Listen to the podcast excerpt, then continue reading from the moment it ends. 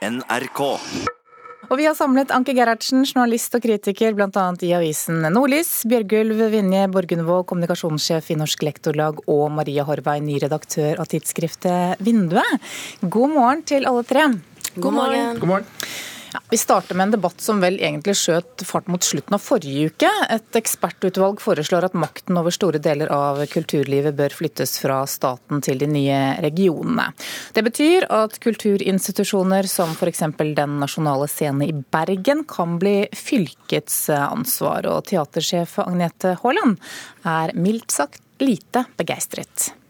Jeg syns det er helt absurd jeg begriper ikke at de har kommet på dette, og jeg er helt sikker på at vi har så kloke politikere i Erna Solberg, i Monica Mæland, i Trine Skei Grande, at de aldri kommer til å følge disse såkalte ekspertenes råd. Det sa altså Agnete Haaland, og spørsmålet til panelet er rett og slett står kulturtilbudet i fare dersom fylkene overtar ansvaret? Vi starter i nord. Ja. Nei. Ok, Da begynner vi med deg, Bjørgulf, siden du eh, går mot strømmen her. Hvorfor nei? Regionreformen, når den først kommer, så skal den skape sterkere regioner. Og Da må de få noen oppgaver. og Er det virkelig noen som tror at bergenserne ikke klarer å si fra hvis den nasjonale scene ikke prioriteres? Jeg tror ikke det. Det er litt synd at den har kommet inn i saken, for den er annerledes enn alle de såkalte 70-30-institusjonene, altså alle regionteatrene som i dag har en delt finansiering. Men ekspertutvalget vil at kultur skal være en motor i regionene, og jeg syns det er noe vi burde heie på, selv om det selvfølgelig er nybrottsarbeid. Jeg syns det er heldig at eh, Nasjonale Scene er kommet inn for å vise eh, hvor viktig eh, verdier som her står på spill. Og at det er klart, jeg mener at Agnete Haaland er helt rett i sin frykt for at når kulturkroner blir flytta nærmere de regionale sykehjemsplassene, de regionale utdanningsplassene, så er det klart at, at de er i en mye mer utsatt posisjon, da de blir tvunget å forsvare seg sjøl opp mot disse presserende behovene som jo, som jo er det er urettferdig å sette kulturen opp mot uh, gang på gang, for dette er to ulike potter. og Det er et statlig ansvar disse regionale eh, institusjonene forvalter, og det bør òg bli statlige midler. Men Anke Gerhardsen, Kan ikke fylkeskommunene være like egnet til å ta vare på kulturinstitusjonene? Nei, det tror jeg ikke. Og Det er snakk om regionreformen. Her nord så har vi jo flere store kunstinstitusjoner som opererer i hele landsdelen. og Her skal vi faktisk ha to regioner som da skal forsøke å bli enige om hva som skal prioriteres. og De klarer jo ikke å bli enige om så veldig mye sånn som det er nå, så det ser jeg på med stor uro.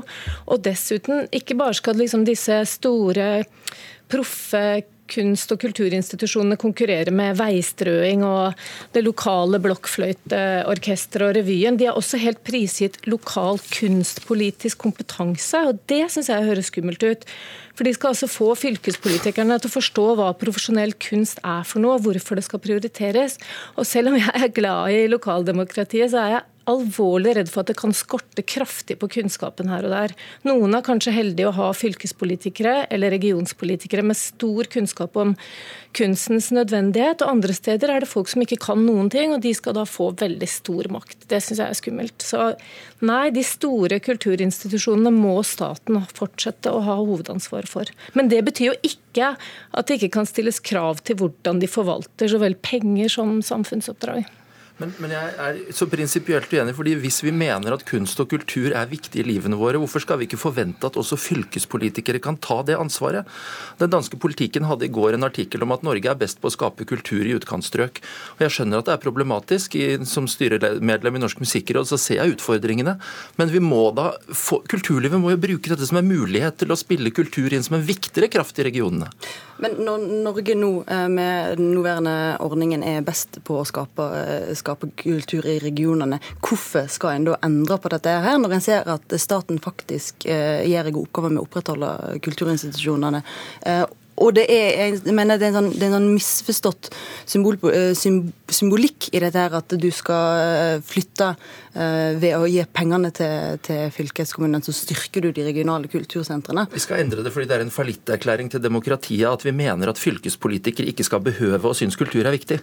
Det er veldig mange ting som fylkespolitikere ikke behøver om ikke, De, kan, de synes selvsagt at det er viktig, men de behøver ikke uh, å ha den pengesekken ligger under seg. Det er ikke en, det er ikke en er ikke mistillitserklæring som sådan. Det er jo Noen oppgaver ligger hos staten, noen oppgaver ligger hos fylkeskommunen, noen oppgaver ligger hos kommunen. Og sånn er det. Det er ikke en mistillit at, at kommunene ikke har det fulle ansvaret for, for nasjonale scener i Bergen. Denne regionreformen skal jo skape mer lokaldemokrati og regiondemokrati for å få ved å legge mer ut i regionene, og at ikke kultur skal være en del av det, det er jeg helt uenig i. Men bare for å ta liksom helt konkret eksempel. Her i Nord-Norge så har Nordland fylke nettopp kutta opp mot en million i sitt bidrag til den nordnorske kulturavtalen.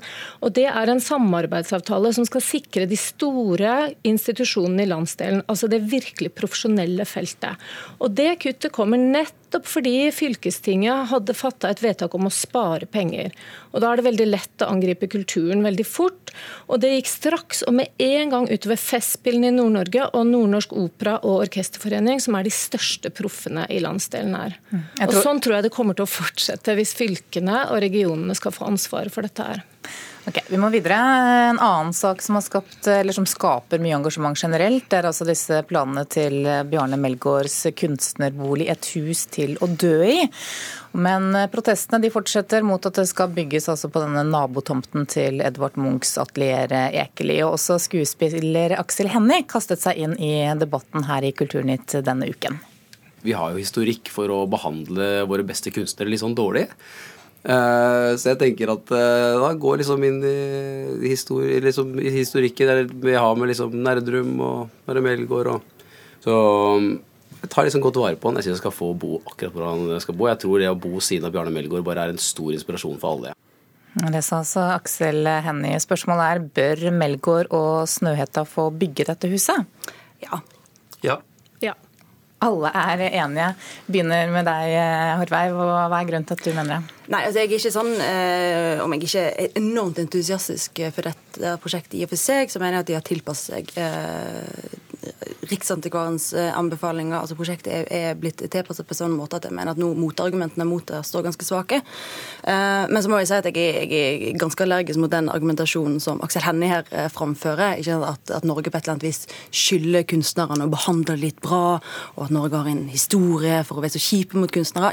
Det er å innta en posisjon, det er ikke å argumentere for og mot et konkret prosjekt som dette her er. Så da syns jeg er bare en utskeiing av debatten. men men sånn som det står nå, så kan huset helt fint bygges. Jeg lurer litt på om det er huset, eller om det er det at Melgaard er kontroversiell, og at det heter et dødshus, som er så tabubelagt som gjør at folk protesterer. Det ser jo litt spesielt ut, da? Ja, jeg syns det ser spektakulært ut, uten at jeg har greie på arkitektur. Eh, men det er ikke så veldig lenge siden folk mente at skulpturene på Ekebergparken ville rasere området. Det skulle være en sånn joggeretrittområde for de som bodde der. Og nå har det blitt en fantastisk attraksjon, og Ringnes har endelig fått den kudosen han fortjener. og Jeg ser dette i samme leia. Da vil jeg bare skyte inn eh, at grunnen til at eh, Ekebergparken er blitt flott, er at eh, Ringnes bakka ganske langt ut og tok inn den kunstfaglige ekspertisen som da prosjektet krevde. Og jeg mener òg at det er, en, at det er en ganske nedlatende holdning overfor kritikerne til dette prosjektet å si at det er fordi at Bjarne Melgaard er kontroversiell. Jeg tror vi kan stole på at, de, de har et videre syn på dette enn som så. Skaper dette mye engasjement i nord, Anke Gerhardsen? Eh, det veit jeg egentlig ikke, men jeg er engasjert i det. Og jeg syns at eh, det huset er helt fantastisk i seg selv, fordi at det virker så utrolig sterkt. Eh, så jeg er enig med Aksel Hennie at det kan inspirere folk rundt. Et slags sånn memento mori i verdens rikeste land. Det burde ligge flere filialer av sånne bygg rundt omkring i Norge, fordi vi trenger det. Vi trenger liksom en, en slags sånn påminnelse, et lite skjelv vi trenger mer usikkerhet og forvirring inn i vår, i vår selvsikre virkelighetsoppfatning. Så jeg håper dette bygget kan bidra. Jeg syns det er utrolig vakkert og sterkt. Jeg blir rørt og engasjert bare av å se på bildene som viser hvordan det skal ligge i landskapet. Men må det ligge akkurat der? Altså, Jeg har aldri vært der, så jeg har ikke så veldig sterke formeninger om det. Men etter det jeg leser, så er det liksom Det ligger på et sted som, hvor det alltid har ligget bygninger. Det gjorde det også da Munch opererte, så jeg klarer ikke helt å se det store problemet, ja, altså. Det er veldig typisk norsk at det er lokaliseringen vi skal debattere. Ja, det er veldig typisk. jeg, jeg har jobbet som krematoriesanger faktisk, og fikk et helt annet forhold til døden. Og jeg syns det er veldig viktig at vi får flere steder i samfunnet hvor vi snakker om i livets forgjengelighet. Mm. Skal videre til Kristiansand. Der pågår debatten om det offentlige skal bruke over 500 millioner kroner for å gjøre den gamle siloen om til et kunstmuseum. Dette er altså en betingelse for å få vise kunstsamlingen til en investor, Nicolai Tangen. En annen forretningsmann byr nå mer for siloen enn kunstmuseet og håper å stanse hele planen. Spørsmålet er er vi for skeptiske til private kulturgaver i Norge? Og vi starter med Anki Nord. Ja, ja. Nei, på ingen måte. ok, Da får du utdype. Nei, altså Dette her prosjektet er jo et solklart eksempel på ei eh, såkalt uh, privat gåve som tek tar veldig mye mer enn det den planlegger å gi. For det første så, dette Saken er jo at Nicolai Tangen planlegger å gi altså at han, han gir samlingen sin til Sørlandet kunstmuseum.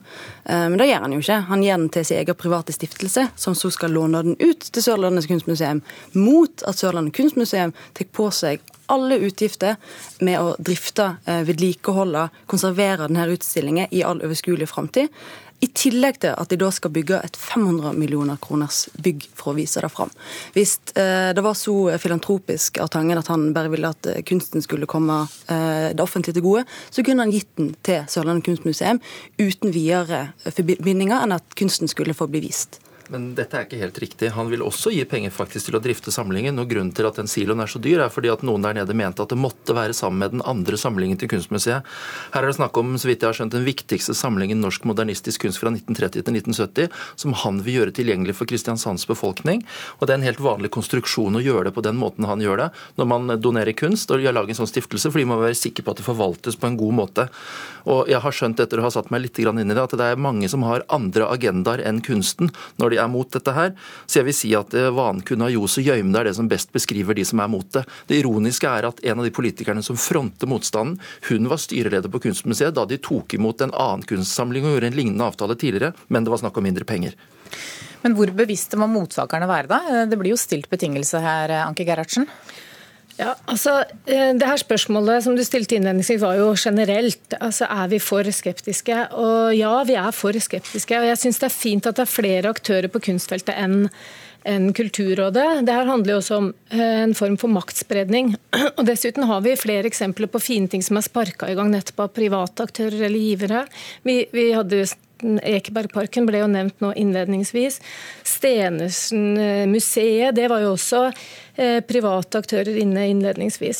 Akkurat det her kunstsiloen eh, her har jeg litt sånn begrensa kontakt med. Men jeg ringte en venn i går som er fra Sørlandet, og han mente at nettopp en slik aktør som vi har å gjøre med her, kan sparke i gang et veldig viktig prosjekt som kan skape en veldig bra kunstakse på Sørlandet, med Kilden, Maritimt museum og denne her kunstsiloen. Men Hvis en setter litt inn i denne saken, så ser jeg at disse planene er jo utrolig dårlig fundert. og dette er, eh, jeg mener at Det er helt misforstått å sette dette opp som at hvis en er motstander av dette prosjektet, så er det mot kunsten. Jeg mener at Hvis du er for uh, kunsten, så du også, skal du òg være en forkjemper for at da at eh, en kommer med altså, altså ens personlige rikdom eh, skal ikke gi deg noe større råderett over hvordan kunsten blir tilgjengelig for det offentlige.